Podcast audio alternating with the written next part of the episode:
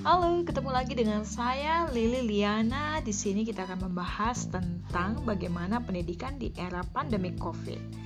Kita sudah tahu dan siapa pun pasti sudah memahami bahwa pandemi Covid ini telah merubah banyak sekali perspektif para guru tentang bagaimana penggunaan teknologi di dalam proses pembelajaran.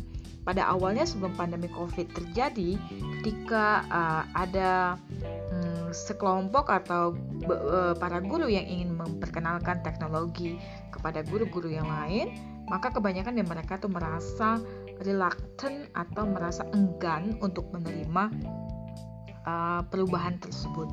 Mereka lebih suka, para guru memang lebih suka menggunakan gaya yang konvensional pada waktu menyampaikan materi pembelajaran kepada siswa-siswa mereka karena dianggap lebih gampang, kemudian tidak memberatkan siswa.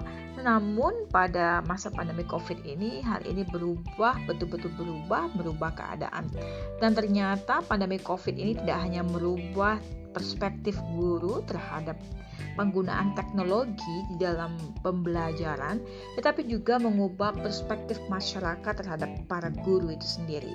Sebagaimana kita ketahui, mungkin selama ini di, negara kita, akhir-akhir ini banyak publik atau masyarakat yang terkadang itu uh, selalu mengkritik guru dalam arti ya di satu sisi ada nilai baiknya juga guru mendapat kritikan sehingga ini menjadi rem dan kontrol sosial sehingga menjadi bahan refleksi bagi para guru pada saat mereka ingin uh, melaksanakan tugas-tugas mereka. Ini juga menjadi uh, seperti apa ya?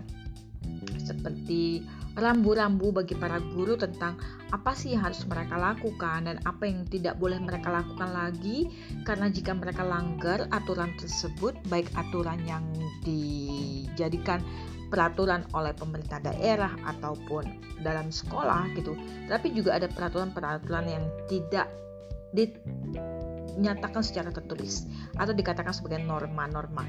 Nah, eh, kritikan publik, pandangan publik terhadap para guru ini kemudian menjadi kontrol sosial bagi para guru agar para guru bisa uh, melaksanakan tugas mereka dengan sebaik mungkin. Nah, tetapi sayangnya di zaman sekarang sebelum masa pandemi Covid ini kadang-kadang guru itu terlalu di apa ya, terlalu di pandang dengan stigma yang negatif itu bagi kalangan-kalangan tertentu. Dan yang menyedihkan lagi banyak sekali para pejabat para pejabat politik. Kemudian ada juga para pejabat politik ada juga para pemuka masyarakat yang terkadang itu melontarkan kalimat-kalimat atau ungkapan-ungkapan yang tidak menyenangkan uh, tentang guru tersebut. Misalnya guru jangan hanya pikir tentang sertifikasi guru jangan hanya memikirkan uang atau ada juga yang mengatakan seperti ini bahwa wah kalau bicara tentang uang para guru itu paling semangat tapi kalau berbicara tentang pendidikan mereka itu ngelampeng nah pandangan-pandangan seperti itu kemudian membuat masyarakat kemudian sering uh, profesi guru itu akhirnya banyak yang kurang dihargai meskipun semakin banyak orang yang ingin menjadi guru dikatakan ya gaji yang lebih baik, penghasilan yang lebih baik, kemudian ya karir juga ya, lebih bagus. Tetapi di satu sisi lain, di sisi lain maksudnya masih banyak juga banyak juga masyarakat atau publik yang itu meng, me, me, meren, e, meremehkan peranan dari guru, peranan para guru. Jadi guru itu sudah mulai bergeser bergeser dibandingkan dengan 50 tahun yang lalu di mana para guru itu dipandang sebagai profesi yang mulia. Tetapi sekarang sebelum masa pandemi Covid ini banyak sekali yang terjadi adalah uh, para guru itu sering dianggap sebagai uh, ya mendapat kritikan, kemudian bisa juga dicemooh, kecemoohkan, dilecehkan dan sebagainya. Nah, pandemi Covid ini ternyata mengubah banyak keadaan. Uh, banyak sekali dengan adanya kejadian ini membuat publik akhirnya terbuka mata mereka bahwa begini loh para guru pada waktu mereka mengajar para siswa di dalam kelas. Inilah yang terjadi. Bagaimana sulitnya para guru ketika mengajar para siswa. Tetapi di sini kita tidak akan membahas tentang uh, publik dalam arti oh ya publik harus menghargai dan sebagainya. Tetapi di sini kita mulai menyadari bahwa uh, untuk mencapai sebuah kesuksesan keberhasilan pendidikan publik masyarakat itu harus bekerja sama dengan para guru.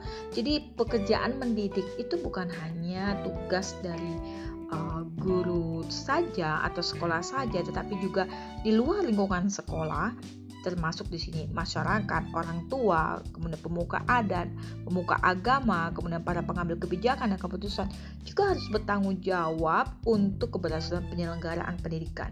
Berbicara tentang ini memang terdengar gampang, tetapi memang perlu kolaborasi dan keteguhan hati dan ke keikhlasan juga keberlapangan dada untuk menerima masukan baik dari masukan untuk guru dari masyarakat termasuk juga masukan para guru, para pelaku pendidikan, para praktisi pendidikan terhadap masyarakat. Dan juga di sini juga pemerintah juga harus um, para guru tentu saja harus mendengar uh, pemerintah dan di satu sisi pemerintah juga harus mendengar para guru. Nah, hubungan timbal balik inilah akan membuat keberhasilan pendidikan menjadi berhasil lebih baik.